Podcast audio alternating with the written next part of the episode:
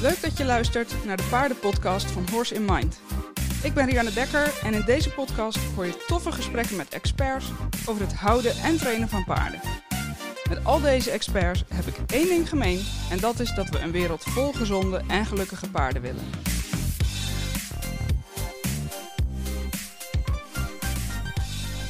Hoi, je luistert naar de 27e aflevering van de Paardenpodcast.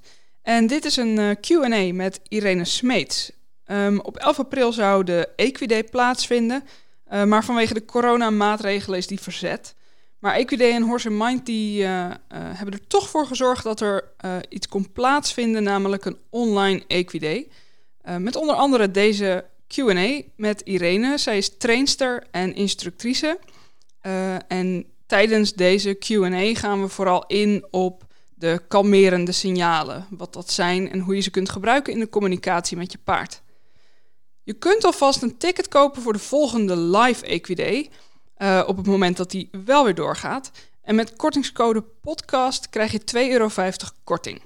En je kunt je ticket bestellen op www.equiday.nl. Ik wens je heel veel plezier met het luisteren van deze podcast. Uh, dit is een, uh, een Q&A met, uh, met Irene Smeets. Ik zal eventjes eerst een korte introductie doen, um, wat de bedoeling is van dit Q&A voordat we daadwerkelijk beginnen. ik zal straks de Q&A beginnen met wat algemene vragen aan Irene, zodat mensen die haar misschien nog helemaal niet kennen ook een idee krijgen van wie ze is en, en wat ze doet. Uh, en dan um, kun je natuurlijk alle vragen stellen die in je opkomen. En uh, um, waar het kan, zal ik die uh, dan aan Irene stellen. Um, zet lekker je afleiding uit. pak er een glas water of een kop thee bij. dan heb je zo min, mogelijk, zo min mogelijk afleiding en hoef je ook niet meer op te staan. Ik zal Irene in beeld brengen en ik uh, uh, wil Irene heel graag vragen om, uh, om zich even voor te stellen aan jullie. Irene, wie, wie ben je en wat doe jij? Um, nou ja, ik heb een, een bedrijf in de paarden. Mijn, um, mijn, naam heb je net al gezegd natuurlijk.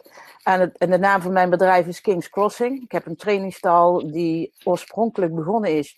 Eigenlijk als een trainingstal voor heeningruiters, trailruiters, allemaal in de westernsport.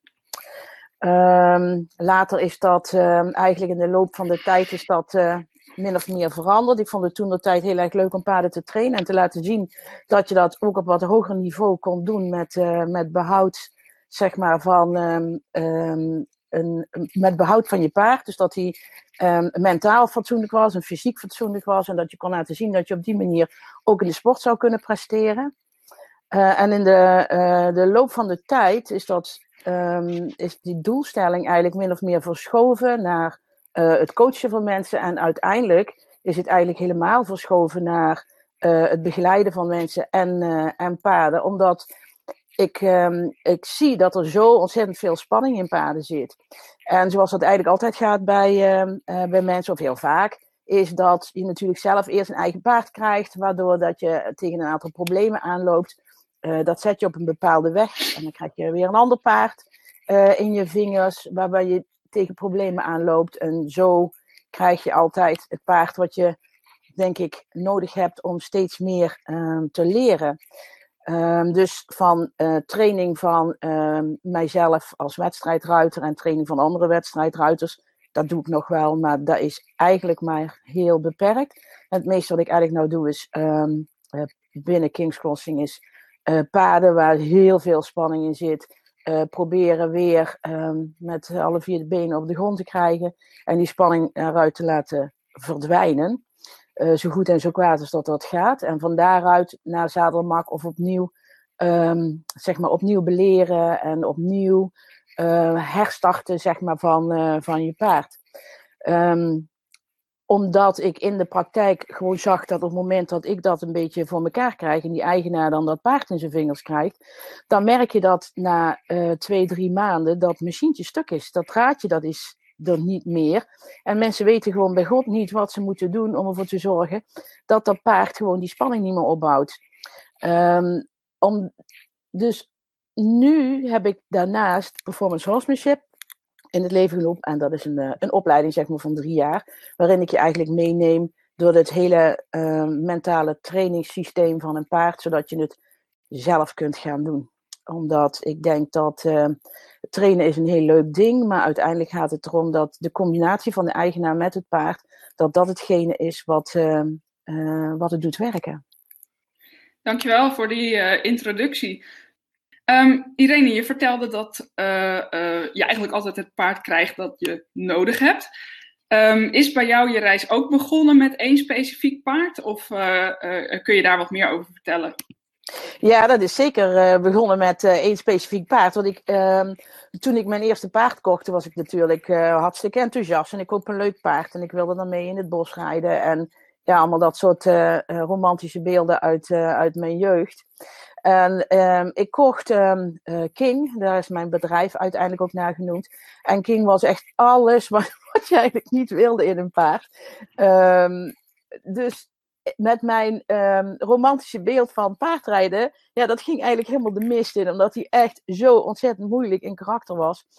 Uh, althans voor mij op dat moment, als je daar nu twintig jaar later naar terugkijkt, dan denk je van, nou, als ik toen had geweten wat ik nu weet, dan uh, was het voor hem een heel stuk makkelijker geworden en voor mij ook. Maar toen de tijd um, wist ik natuurlijk helemaal niks. En um, ja, ik, ik keek naar dat paard en ik denk van ja, waarom gaat hij luchtzuigen? Waarom weeft hij? Waarom uh, hang ik er altijd als een vlaggetje aan. Waarom kan die niet tegen een ander pak, paard in de, in de bak? Ik kon alleen maar alleen rijden. Um, op het moment dat er een ander paard in de, in de binnenbak kwam of in de buitenbak, nou, dan joeg hij die eruit en dan hing ik er als een vlaggetje aan. En nou echt alles wat je niet wou in een paard, dat zat daar gewoon in. En um, ja, toen dacht ik dus bij mezelf van ja, wat nou? Dus um, ja, ik kwam thuis en mijn helemaal niet um, man, die zei van ja, ja wat wil, wat wil je dan gaan doen? Wil je hem dan gaan verkopen? Want je weet wat er gaat gebeuren, want hij gaat van hand naar hand en uiteindelijk zit hij in de frikandellen. Is dat dan wat je wil? Ik zei, ja, nee, natuurlijk wil ik dat niet. Nou, zei dan moet je gewoon zorgen dat je beter wordt. En uh, toen dacht ik van, ja, van uh, uh, beter worden, ja, hoe ga ik dat dan doen? En nou, nu hebben we allemaal internet. En dat levert natuurlijk een, een een wereld aan informatie op. En ehm, twintig jaar geleden was dat er, het bijna ondenkbaar natuurlijk. Maar dat was het natuurlijk helemaal niet. Dus het zoektochtje dat ik uh, moest uh, doen, dat heeft me wel wat voet in de aarde gehad. En dat heeft mij um, eigenlijk gebracht bij um, allerlei horsemanship trainers. Omdat de reguliere western trainers niet datgene brachten wat... ja, die leerden mij natuurlijk beter paardrijden. En die leerden mij natuurlijk ook wel een hele hoop dingen. Maar die leerde mij uh, betrekkelijk weinig over wat ik eigenlijk uh, moest weten om dit paard beter te krijgen. En, en, en waar, ehm, waar, is jouw, bij wie is je reis toen uh, begonnen eigenlijk? Wie, uh, wie heeft jou dat geholpen met dat begin? Ehm, ik ben eerst Parelli gaan doen. En dat, dat heb ik echt wel heel intensief gedaan. En uh, ik ben uh, opleiding gaan doen bij Emo Voes toen die net begon met uh, de freestyle trainers uh, opleiding. In 2004 was dat geloof ik. In Deurne was dat toen nog. die heb ik gedaan. Ehm, maar, ehm, veel Parelli zoals ik al zei. En uiteindelijk ben ik eigenlijk steeds meer richting oude Amerikaanse trainers gegaan. Um, uh, ja, Ray Hunt, Buck Brenneman, nog verder terug naar Tom en Bill Dorrance. En daar heb ik eigenlijk gewoon um, uh, gemerkt dat, dat daar echt uh, zo ontzettend veel kennis zit. Eh, dat, dat daar zoveel te halen valt. En het heeft mij gebracht bij, bij Warwick Schiller, waar ik echt immens veel van geleerd heb als mentor.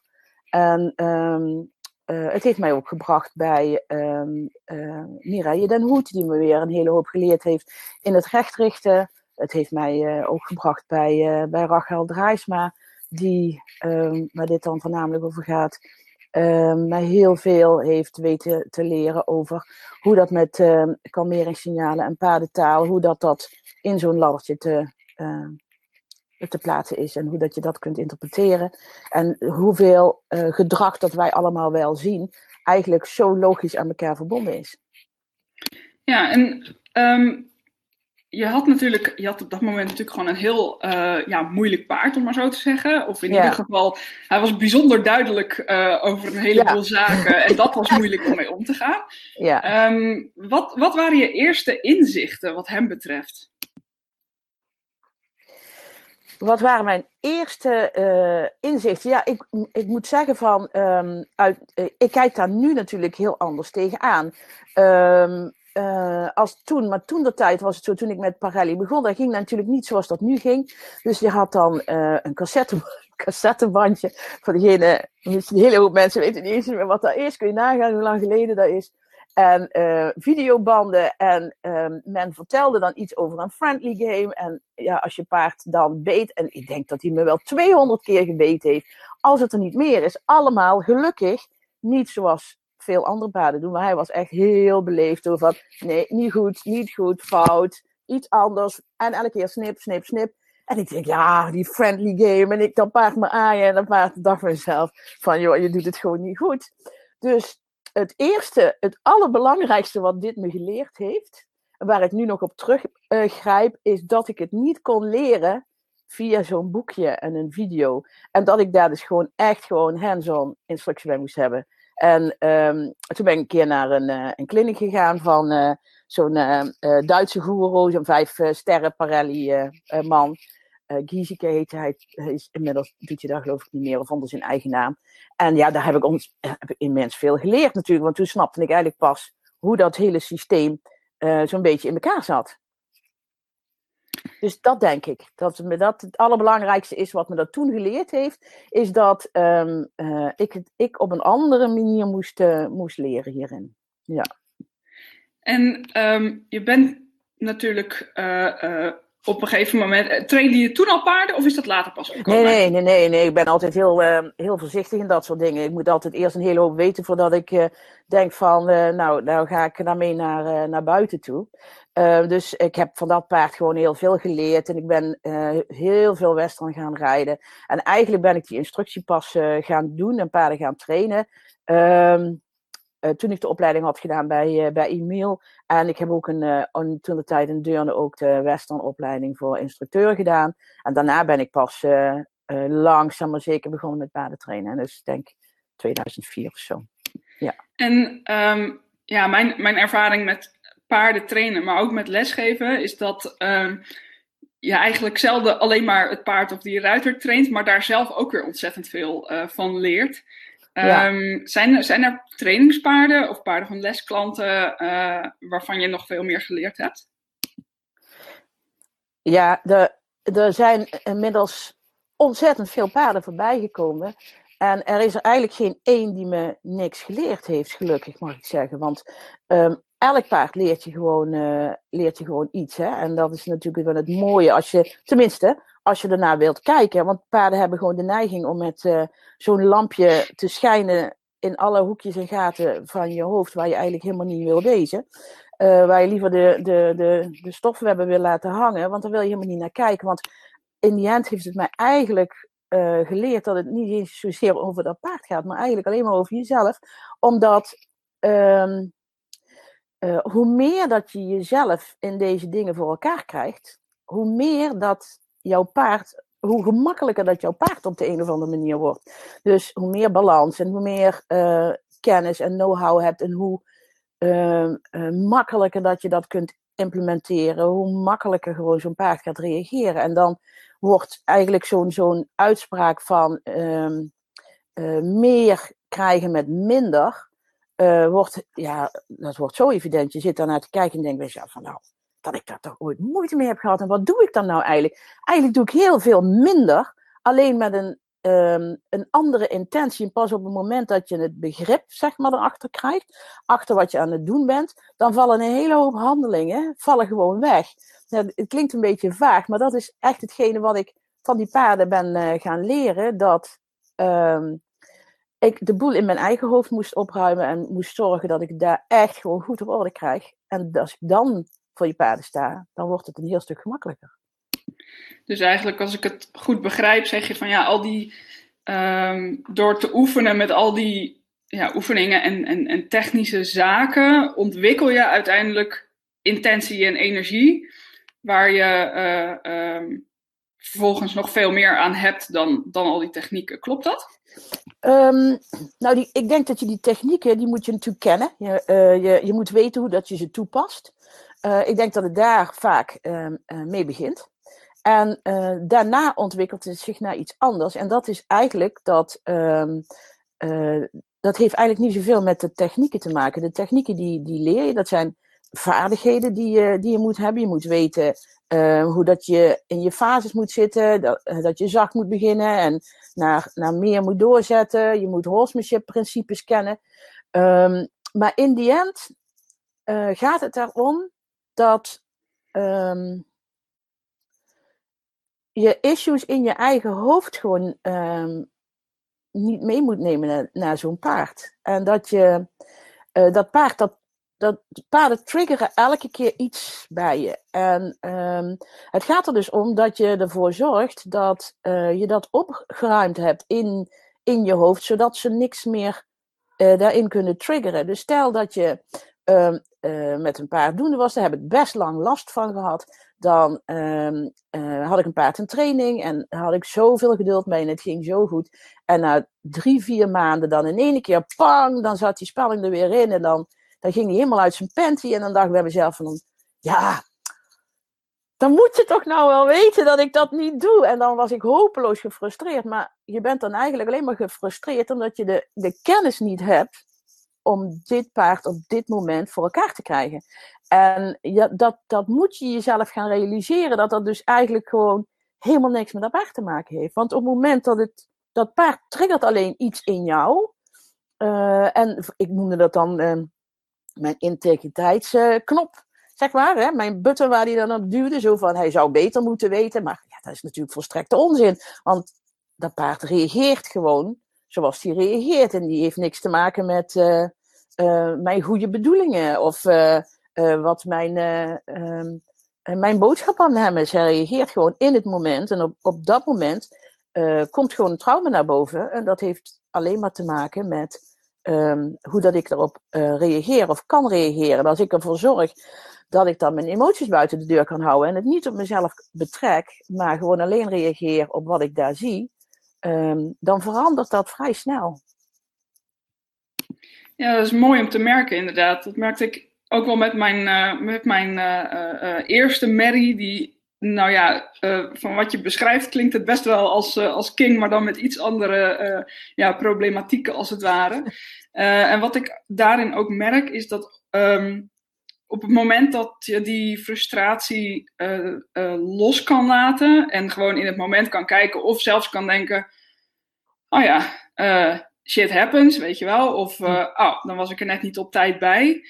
Um, het is niet eens zozeer dat het dan minder vaak gebeurt, maar um, de training wordt er en omgang wordt er een stuk leuker en rustiger van op het moment dat je dat zelf ja, mentaal onder, uh, onder de knie hebt, zeg maar. Ja, ja wat, uh, uh, kijk, wat ik tegenwoordig heel veel tegenkom in de training is dat uh, een paard spanning heeft. En dat een eigenaar gewoon uh, daarmee doende is. En die doet zo ontzettend zijn best om die spanning eruit te krijgen. En dat is gewoon niet wat je moet doen. Van, uh, je moet niet tegenover je paard zeggen van, oh, ik wou dat hij die spanning loslaat. En laat nou maar los en toe nou maar. En je bent hier veilig. Um, dat is eigenlijk niet hetgene wat je moet doen. Op het moment dat um, je moet de randvoorwaarden creëren waarbinnen je paard een spanning los kan laten. En de rest moet het paard zelf doen. Het enige wat jij doet, is zorgen dat uh, het daaromheen klopt. En dat kan, naar mijn mening, alleen maar door uh, te observeren, uh, een veilige plek creëren en met name een veilige plek creëren in jouw hoofd. Op het moment dat je daadwerkelijk tot een contact komt met je paard of wilt komen, dan kan dat niet anders als dat jij volledig in het nu bent. Als jij niet volledig in het nu bent, dan mis je gewoon je paard. Uh, uh, paarden die, die zitten altijd in het nu en wij mensen zitten daar niet altijd in. ehm, hè, we kennen allemaal het beeld van mensen die een paard longeren en ondertussen een telefoongesprek uh, voeren omdat ze dat paard uh, beweging willen geven. Um, um, maar op het moment dat je, het kan ook een veel kleinere dingen, als jij um, iets met je paard aan het doen bent en jouw verstand zit al daar wat, bij datgene wat je gedaan wilt hebben, dan mis je je paard ook, want die zit daar nog niet. Behalve als je erop anticipeert, maar dat is weer een ander verhaal.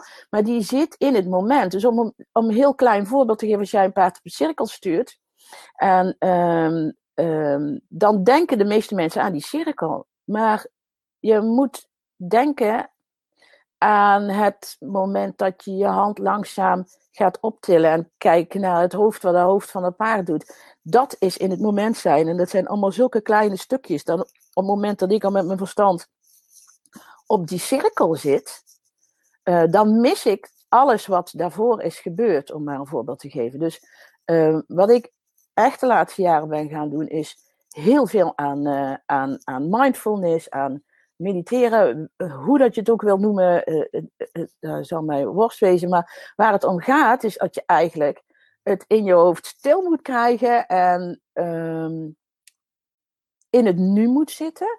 En als je het echt los kunt laten, uh, middels je mindfulness, middels hartcoherentie, middels uh, heart breathing of wat voor technieken mensen daar ook bij gebruiken, dan, dan ontstaan gewoon wonders in, uh, in wat die paarden op dat moment gewoon doen. Van, um, je ziet gewoon echt de spanning gewoon eruit, ja, net alsof ze het, het ja, een hele plas onder zich laten. Ik weet niet hoe ik het anders moet zeggen, maar je ziet het er gewoon van aflopen. Het is echt bizar. En dat heeft niet zoveel met een paard te maken, maar meer met jezelf. Je creëert gewoon de mogelijkheden voor zo'n paard om het los te laten als een soort psychiater, zeg maar. Dat je zegt van, oké, um, ik creëer de randvoorwaarden, maar jij, jij moet het doen.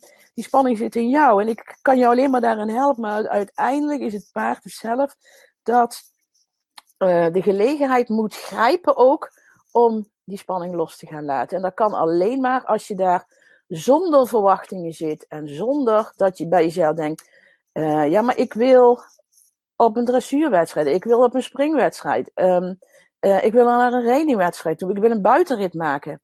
Het gaat erom dat je dat allemaal los moet kunnen laten. Al die verwachtingspatronen moeten weg, zodat je um, later, als dat, die spanning eruit is, um, kun je langzaam maar zeker die dingen natuurlijk gewoon weer introduceren. Want ja, wij willen er natuurlijk allemaal op. Door van, uh, ik zit niet alleen maar in mijn bos naast mijn paarden om er naar te kijken. Maar ik heb wel begrepen dat paarden houden en op paarden rijden in extensie twee totaal verschillende hobby's zijn. Daar ben ik inmiddels wel, wel achter. En het leuke is om ze toch te proberen zodanig te combineren dat je je, je paard fysiek en mentaal gezond houdt. En dat je daarnaast die dingen kunt doen die je eigenlijk zelf ooit van plan was. Namelijk uh, uh, je wedstrijd of uh, een buitenrit of whatever.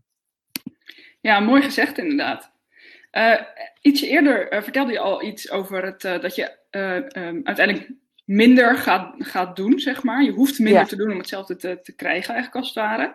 Ja. Ines die vraagt via de chat of je daar een, een praktisch voorbeeld van kan geven waarin je dat gemerkt hebt. Ja, um, met name dus met het, de spanning uit dat paard halen. Want als er nu uh, een klant bij mij komt en zegt, wat doe je de hele dag? Nou ja, ik doe niet zoveel. ik sta er maar te staan. Dat is niet helemaal waar natuurlijk. Maar waar het wel om gaat, ik sta dus, ik creëer handvoorwaarden en ik doe niet zoveel. Het enige wat ik doe is um, zorgen dat ik in, uh, in mijn hoofd me, me, mezelf op orde heb. Dat het daar stil is. Dat ik een connectie kan maken uh, uh, met dat paard. En dat ik voor de rest observeer wat hij doet. En dan natuurlijk ook, ik moet natuurlijk wel weten wanneer ik wat moet doen. Maar ik doe niet zo heel veel. Um, dat is af en toe tegen dat paard zeggen van, kun jij je verstand terugbrengen naar mij? En dat gaat met echt zo kleine dingen. Terwijl ik vroeger, um, als een paard helemaal over de flos ergens binnenkwam, ja, dan probeerde je dat hoofd recht en naar achterhand en disengage. En weet ik allemaal wat van techniek je daarvoor hebt. Uh, terwijl er nou toch echt wel andere manieren zijn, waardoor dat je echt met zoveel minder, zoveel meer resultaat krijgt. Dat ook zo'n paard dat helemaal over de flos is, op het moment dat jij die met zijn verstand ook maar een fractie van een seconde bij, jij, bij mij kan krijgen. En dan op exact het goede moment de boodschap kan zeggen: Ik wil niks van jou. Want dat is het natuurlijk in extensie bij paarden. Dat, dat wij, wij willen continu iets van ze. En um, um, alle paarden weten dat. Uh, we, ze, ze weten gewoon, ze moeten altijd iets doen. En ik, ik chargeer de boel misschien, maar in de meeste gevallen is het natuurlijk zo dat een paard niks meer en niks minder is als onze slaaf. Een goed verzorgde in heel veel uh, gevallen natuurlijk. Maar hij moet in die end natuurlijk gewoon doen wat wij eigenlijk gewoon graag willen. Dus naar links, naar rechts, naar voren, naar achter. Uh, hè, en dan stel ik het natuurlijk een beetje gechargeerd. Maar um, de mensen die, die, die uh, naar Equidate toe komen, dat zijn natuurlijk met name mensen die wel tot de conclusie zijn gekomen dat je misschien dat op een andere manier zou willen. dat je dat vanuit connectie, vanuit partnership zou, zou willen doen. En naar mijn mening is dat stuk wat ik eigenlijk in de training doe, is het stuk voor training. Dus de basisvoorwaarden creëren waardoor een paard mentaal op orde is en vanuit een mentale um, um, balans, zeg maar, uh, tegen jou kan zeggen van ja, oké, dit, dit, dit, wil ik ook. Dus laten we dat gewoon samen doen. En um, uh, wat ik heel veel zie, is dat er toch bij heel veel paarden al, al ook, bij de mijne hoor, uh, toch, als je niet uitkijkt, veel gehoorzaamheid insluipt. Hè, en dan mis, als je er gehoorzaamheid insluipt, dan mis je vaak hoezeer een paard bereid is te doen wat jij wil doen. En hoezeer ze zichzelf onder druk zetten om datgene te doen wat jij graag wil. En, en we zien het dan niet, we vaak helemaal niet, hè? En uh, ge, gesproken over het, het zien van uh, signalen. Inmiddels je zei het al, hè, uh, Draaisma heeft natuurlijk het een en ander onderzocht over die kalmerende signalen. Ja, ja. Um, daar heb jij je in verdiept en die gebruik jij ook heel veel in die, ja, ja, in die basis hè, om het paard te, te, te lezen. Um, wat zijn die kalmerende signalen?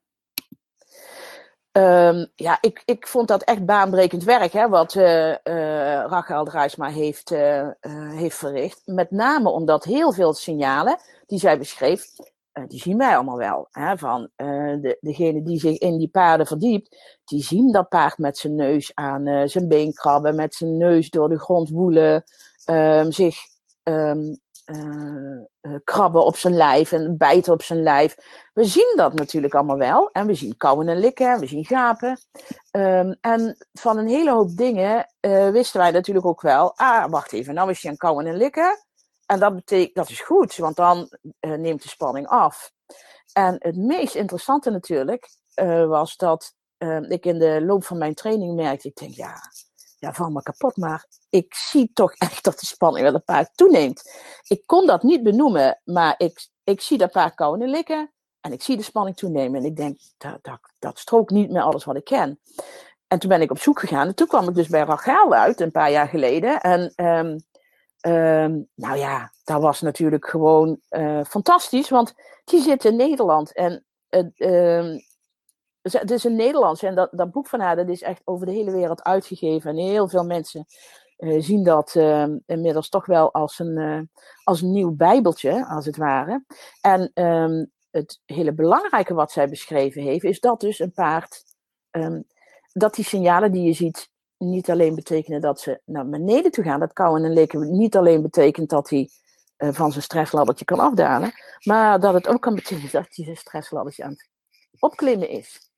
En uh, dat was met name uh, buitengewoon interessant om, om te lezen. En zij heeft ook mooie rubriekjes gemaakt. Hè, waar ze zegt van nou, deze signalen, dan heeft hij een beetje spanning, dan heeft hij wat meer spanning, dan nog meer, dan nog meer en dan huppla, dan, um, dan is het vluchten, vechten of bevriezen. En dan zitten we helemaal bovenin in dat laddertje. En die kalmeringssignalen, die zitten helemaal onderin. En um, nou, die kalmeringssignalen, een klein beetje meer stress.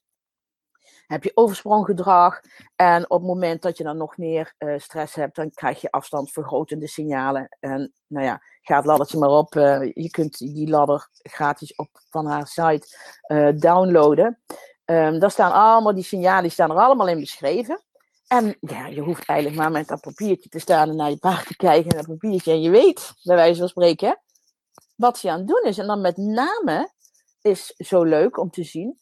Je kijkt naar wat zo'n paard doet. En vooral, wat doet hij daarna? En als je kijkt naar wat hij daarna doet, dan weet je dus of hij zijn stressladdertje aan het opklimmen is, of zijn stressladdertje aan het afdalen is. En als je dus overspronggedrag ziet, je ziet dat een paard zich uh, met zijn neus aan zijn knie aan het wrijven is, wat we heel vaak zien, of zich in zijn borst bijt, of in zijn zij krabt. En dan denk je, ja, even jeuk, dat kan. Maar meestal uh, is het gewoon een signaal dat hij uh, veel spanning heeft. En dat is dus overspronggedrag. En zie je daarna dus kauwen en likken of knipperen van zijn ogen of gapen of zijn hoofd wegdraaien. Dan zie je dus dat het laddertje aan het aflopen is. Maar zie je dus eerst kauwen en likken, hoofd wegdraaien en daarna met zijn neus naar zijn been of zich krabben uh, of met zijn neus door de grond. En daarna dat hij langzaam begint aan te lopen op dat cirkeltje. Dat je denkt, nou, hallo, even staan blijven. Dat kan toch wel? Maar dan, als je dat dus ziet, dan zie je dus dat hij op dat laddertje omhoog aan het klimmen is. En dat is natuurlijk wel heel belangrijk om, uh, om te weten. Want dan weet je of wat je aan het doen bent succesvol is, of juist helemaal niet. En dat je dus iets anders moet gaan doen.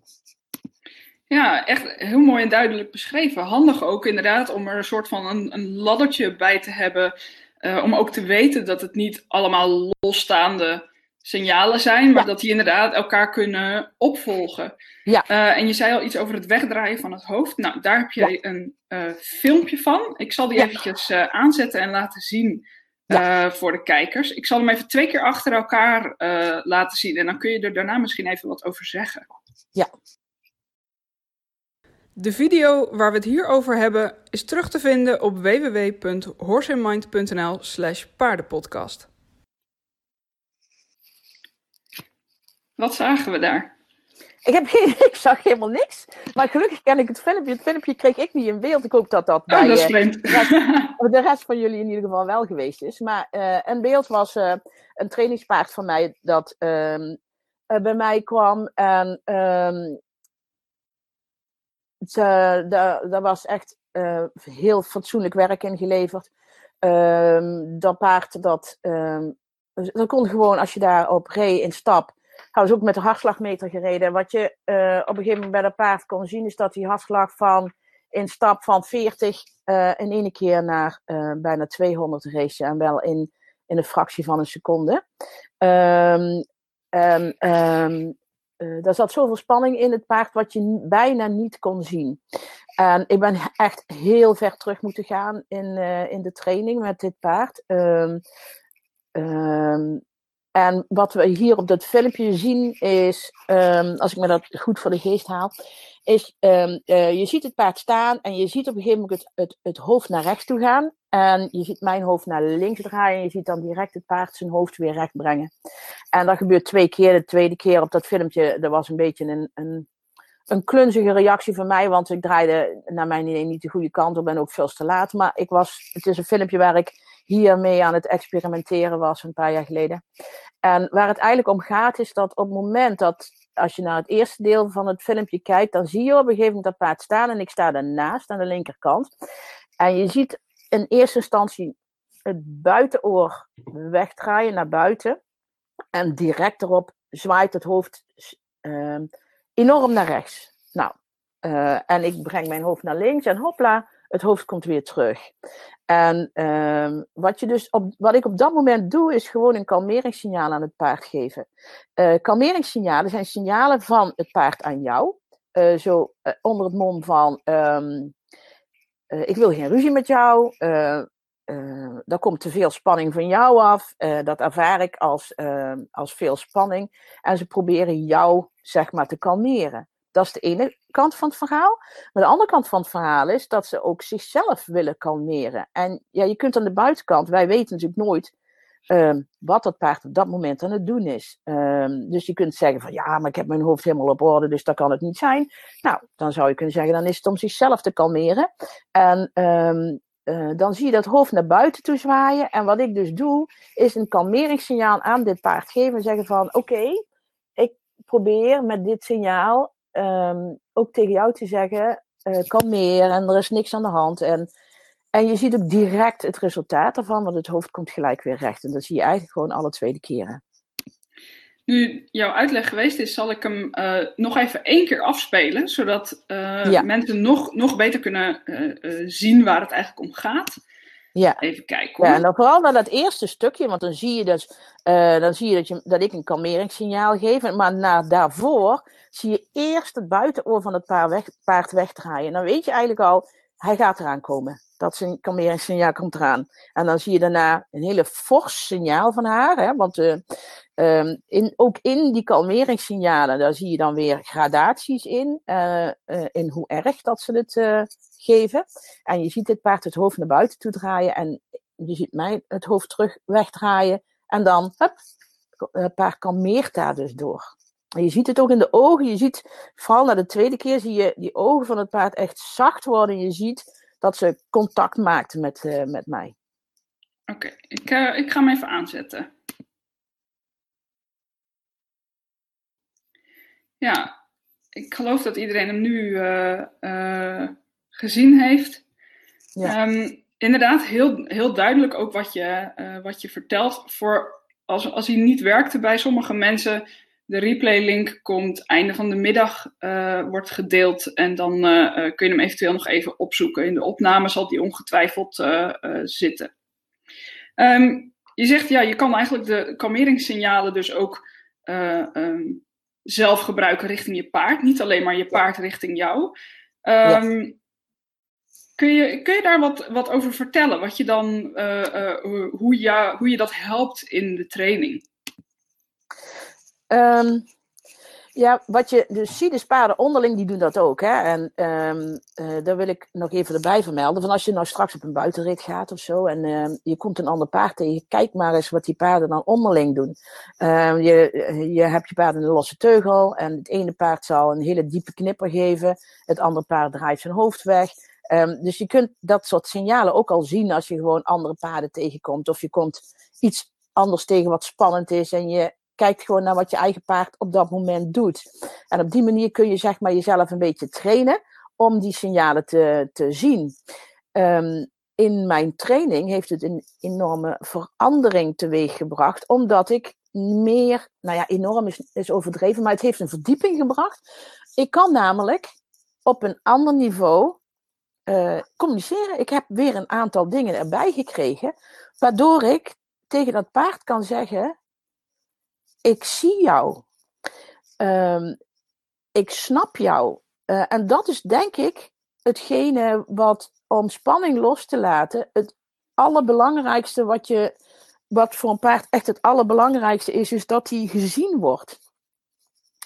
Um, dat, wij mensen hebben daar ook, ik bedoel van op het moment dat ik een relatie aanga met, met iemand, dan wil ik dat hij mij ziet voor wie ik ben. Dat is het allerbelangrijkste. Als ik het gevoel heb dat hij alleen maar luistert naar wat ik te melden heb, maar niet ziet of niet daadwerkelijk geïnteresseerd is in mijn boodschap of wie ik ben, dan wordt dat een redelijk oppervlakkige relatie. Maar op het moment dat ik aan mijn paard kan zeggen: Ik zie jou voor wie jij bent en, eh, en ik kan jou dat laten zien door uh, die signalen te geven, want. Uh, ja, ik, ik ben daar nou ook wel aan het zoeken en ik, ik moet daar nog eens een keer met uh, Rachel over uh, bomen, want die is dan natuurlijk veel verder gegaan nog in haar, onderzoek.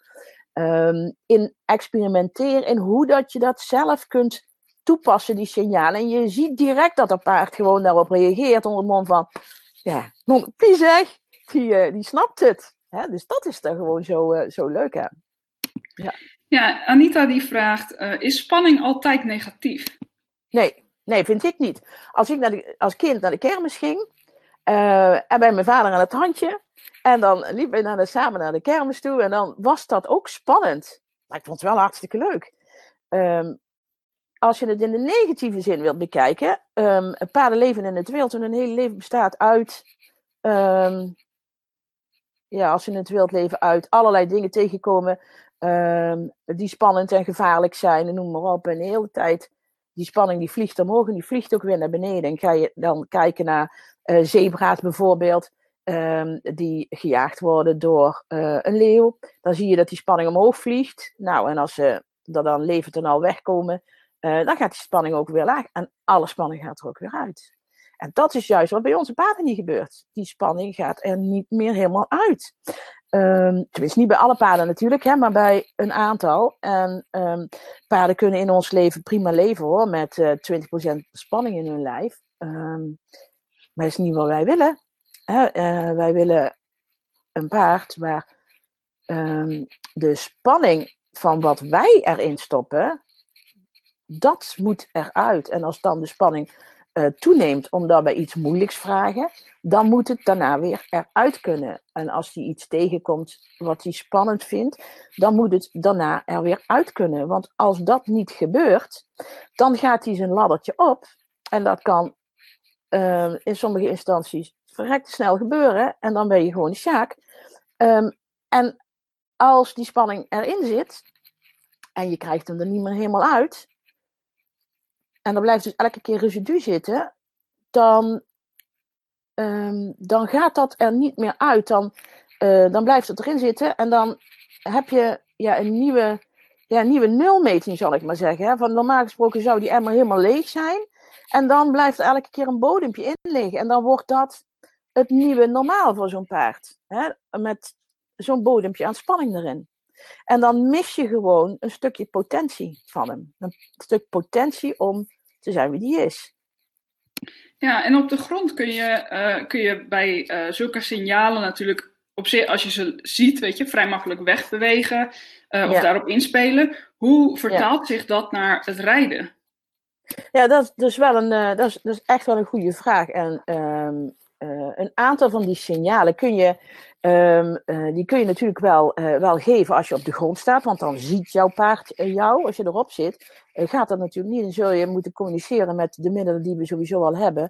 En dat is door ontspanning in je lijf en, en noem maar op. En je kunt natuurlijk ook onder sommige omstandigheden je paard wel inbuigen, zodat je contact hebt. Hè? Dus dat je mentaal contact kunt krijgen met, uh, met je paard. Uh, maar um, ik moet eerlijk zeggen dat ik um, niet goed weet hoe je ze, die kalmeringssignalen althans, hoe je dat je die zou moeten geven als je erop zit. Ehm, je hebt natuurlijk wel allerlei andere lichaamstaal die je kunt gebruiken en die je kunt, die je kunt inzetten. En, maar ja, allemaal. Ja, hoe zou je dat dan aanpakken met een paard waarbij het bijvoorbeeld op de grond uh, um, ja, goed gaat? Hij bouwt in het grondwerk eigenlijk geen spanning op, maar onder het zadel het heel erg spannend vindt. Hoe, uh, hoe pak je dat aan? Um, op het moment dat ik um, uh, op de grond bezig ben, dan ga ik dus daarna eerst zoeken waar, waardoor die spanning ontstaat. Want het feit dat ik op het paard ga zitten en hij dan heel veel spanning heeft, dat er is altijd een moment voordat dat moment kwam. Dus je moet dan eerst gaan zoeken um, uh, waar is die spanning uh, ontstaan? Waar uh, ontstaat het punt waarin dat die spanning in dat paard komt? Daar moet je eerst naar op zoek gaan.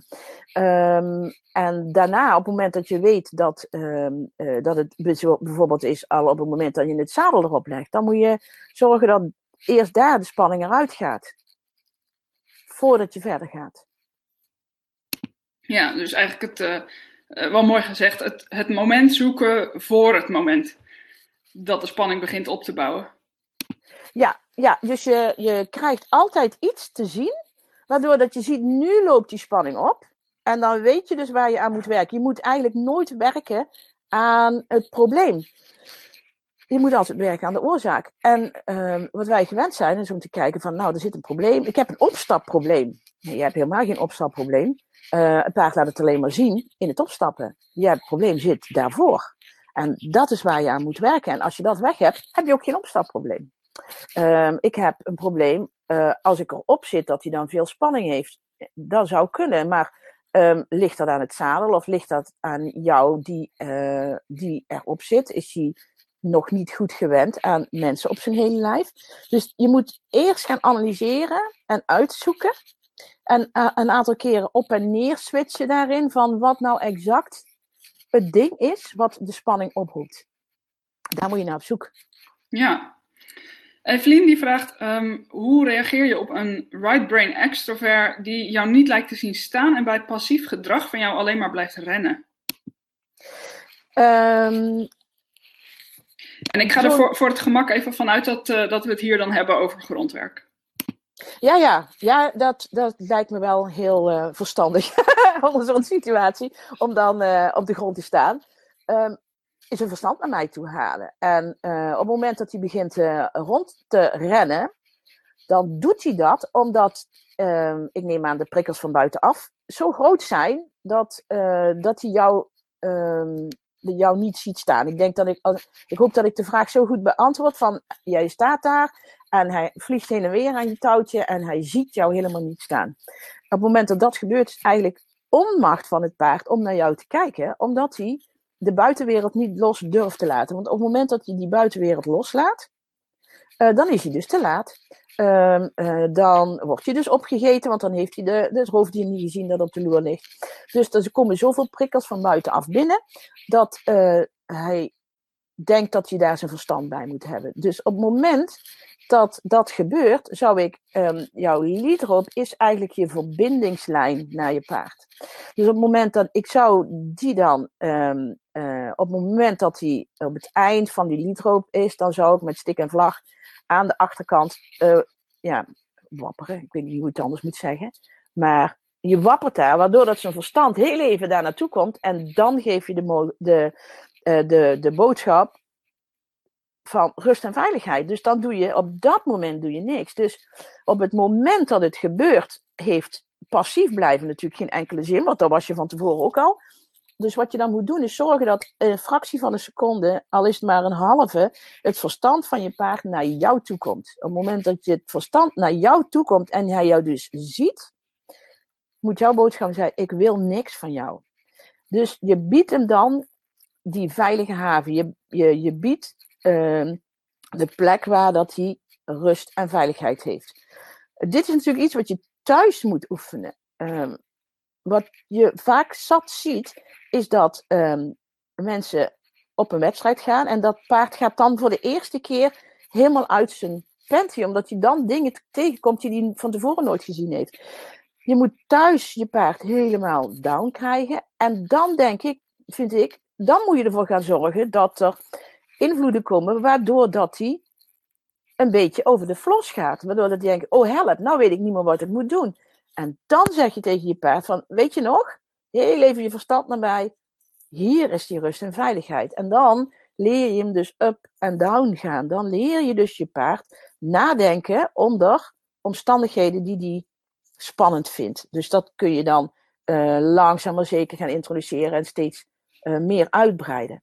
Uh, op het moment dat je in een situatie komt waarin, dat die, waarin je uh, zeg maar je voorbereiding dus niet meer gewerkt heeft, of je hebt er een stuk in overgeslagen, of je hebt het nooit zo kunnen oefenen als nu, of je paard heeft toch spanning in zich gehad die je niet gezien hebben en je, je, je staat daar, wat moet je dan doen? Dan moet je dus terug kunnen vallen op wat je altijd thuis geoefend hebt en wat je dus ook als zodanig kent, namelijk je neemt via je leadrope langzaam en heel zacht verbinding. En je wappelt met je vlaggetje aan de andere kant. De vertand komt een fractie van een seconde naar je toe. En dat. En dat werkt echt dat werkt heel goed. ja. ja, dankjewel. Uh, ik zie dat we nog een, uh, een, kleine 10 minuten hebben. Dus ik denk dat er nog tijd is voor één of twee vragen. Iris vraagt: Heb je praktische tips om toe te passen voor beginners? Um, ja, dat ligt ook een beetje aan uh, wat. Uh, ja, kijken. Um, dat is het. Uh, kijken naar je paard. En um, simpelweg is observeren. Want op het moment dat je naar je paard staat te kijken. daar zijn zoveel dingen die je kunt zien. Die je in eerste instantie niet ziet. Dus als je naar je paard kijkt, dan zie je alleen al aan dat hoofd. Zie je zoveel dingen waaraan je kunt zien Ehm, of er spanning in zit. je kunt zien of er een piepklein beetje van die witte randjes boven zijn ogen zitten. Of of hij zo'n bakjeskin heeft. Of dat hij rondere neusgaten heeft. Of juist een beetje amandelvormig. of die driehoekjes boven zijn ogen heeft. wat doet hij? En probeer dan zelf dat riedeltje voor jou te onthouden, wat hij de hele tijd doet. Want er zit, elk paard heeft zo'n beetje zijn eigen riedeltje. En voor jou is het dan belangrijk om te kijken en bij jezelf te denken: oh, wacht eens even, als hij dat doet, dan doet hij daarna altijd dat. Dan ga je gedrag herkennen en daarna pas kun je gedrag, sorry, proberen te beïnvloeden. Duidelijk, denk ik. Um, ik zie er nog een, paar, uh, nog een paar vragen binnenkomen. We kunnen ze denk ik niet allemaal uh, nu behandelen. Uh, maar ik zal aan het einde nog eventjes gegevens van, van Irene doorgeven. Um, wat nog wel een interessante is, denk ik, is de vraag van Birgit. je hebt soms paarden die heel dicht bij je komen staan. hoe zie je dat? Is dat dan dominantie of juist connectie zoeken? Ja, dat, dat is een hele leuke vraag. Ja, ik ben niet zo van de dominantie eigenlijk. Ik denk dat um, als een paard over je heen rent, uh, door je ruimte heen gaat, dat dat niet onherroepelijk hoeft te zeggen dat hij dat doet uit dominantie. Meestal, meestal doet hij het omdat hij je niet ziet staan. En dat is meestal omdat hij zo druk met de buitenwereld is dat hij jou niet kan zien staan. Als jij een paard voor je hebt staan dat juist heel dicht naar jou toe komt, dan um, is het handig om te weten wat dat hij doet. Um, uh, of hij tegen jou aan aan het pushen is, um, of dat hij connectie zoekt. Nou, wat ik altijd doe is simpelweg het voorkomen dat dat gaat gebeuren. Dus ik blok elk paard in het begin tot mijn grens van eigen ruimte. Dus nou, ik heb altijd een stick, die zet ik gewoon mooi daar neer. En dan heb ik mijn lead erop en dan mijn handen. Zodat als hij connectie wil, dan kan hij hem daar krijgen. En um, dan kan hij aan mijn handen likken, of in het touw knagen, of aan de stick knagen. Maakt mij niet uit wat hij doet, hij mag doen wat hij wil. Als hij het nodig heeft om aan die stick te knagen, dan laat ik dat gebeuren. Als dat hetgene is wat hij nodig heeft om daarna los te kunnen lachen, laten, be my guest. Knaag in die stick. Alles beter als in mijn vingers knagen, toch? Dus ik geef hem ook niet de gelegenheid om dat te doen. Um, um, als jouw paard naar jou toe komt, hè, wat je vaker ziet is dat hij staat op een afstandje. Uh, hij wil spanning loslaten en eigenlijk wat hij op dat moment zegt is, ik heb jou daarbij nodig. Dat laatste stukje spanning los te laten, heb ik jou daarbij nodig. Dan komt hij naar je toe. Ja, dan zou het wel heel uh, rottig zijn voor je paard. Dat je dan gaat staan wapperen en zeggen, nou op zo de meter uit mijn ruimte, want hè, dit is dominantie, want dat is natuurlijk helemaal niet. Maar als je het niet goed kunt interpreteren, of dat het een vraag is van je paard om naar je toe te komen, of het is iets anders en je kunt het niet goed interpreteren, zet stik voor je neus, hou je handen daar. Dan ben je er vrij snel achter wat hij daar gaat, uh, gaat doen. En dan heb je allerlei um, materialen om ervoor te zorgen um, dat het geen vervelende situatie voor jou wordt. Dankjewel. Um, nog eentje kunnen we uh, kwijt. Lonneke die uh, vraagt met het buitenwandelen. En uh, hoe pas je dan de, nou, de kalmerende signalen toe als het gaat om bijvoorbeeld spannende viaducten en dat soort plekken? Um, ja, dat geldt eigenlijk een beetje uh, hetzelfde bij. Je, je, ik ga niet met een paard buiten wandelen voordat uh, ik de spanning er helemaal uit heb. Op het moment dat ik uh, in een veilige omgeving ben. En als dat je eigen tuin is, of een roundpen, of binnenbak of de buitenbak, maakt me niet zoveel uit. En dan ga ik aan het wandelen tot daar waar die het kan hebben. En soms is dat 1 meter. En soms is dat 100 meter. En soms is dat 4 kilometer voordat je iets tegenkomt. Um, op het moment dat je zeg maar je paard relaxed hebt en je hebt hem naast jou en je komt iets tegen wat hij spannend vindt, bijvoorbeeld, dan um, zie je in het gedrag van een paard, er kunnen verschillende gedragingen zijn. Stel dat hij in één keer in de remmen gaat, hè, dus hij blijft staan. Dan blijf ik daar gewoon staan. En dan kijk ik naar mijn paard om te zien wat hij daar ziet. En ehm, eh, waar dat hij naar kijkt. Ik ga niet onherroepelijk aandacht besteden aan uh, wat hij daar ziet, want ik wil dat geen aandacht schenken. Maar ik zie dus wel aan mijn paard dat hij spanning heeft. En dan probeer ik hem weer met zijn verstand naar mij toe terug te halen. En gewoon dan weer de mededeling te geven dat hij zijn spanning los kan laten. Um, als hij uh, iets ziet waardoor dat hij een kalmeringssignaal opgeeft. En uh, dus door bijvoorbeeld zijn hoofd opzij te draaien, kan ik dat uh, precies hetzelfde doen. Of ik kan voor hem staan en een paar keer flink met mijn ogen knipperen. Dat is een klein kalmeringssignaal. En ik kan splitsen. En splitsen um, betekent dat um, uh, er staat bijvoorbeeld een auto en dat vindt hij heel spannend. Uh, dan kan ik splitsen. Dan kan ik tegen mijn paard zeggen: de auto staat rechts. Ik neem jou links en ik ga daadwerkelijk een beetje als zo'n dwaas tussen jou en die auto staan met mijn handen breed.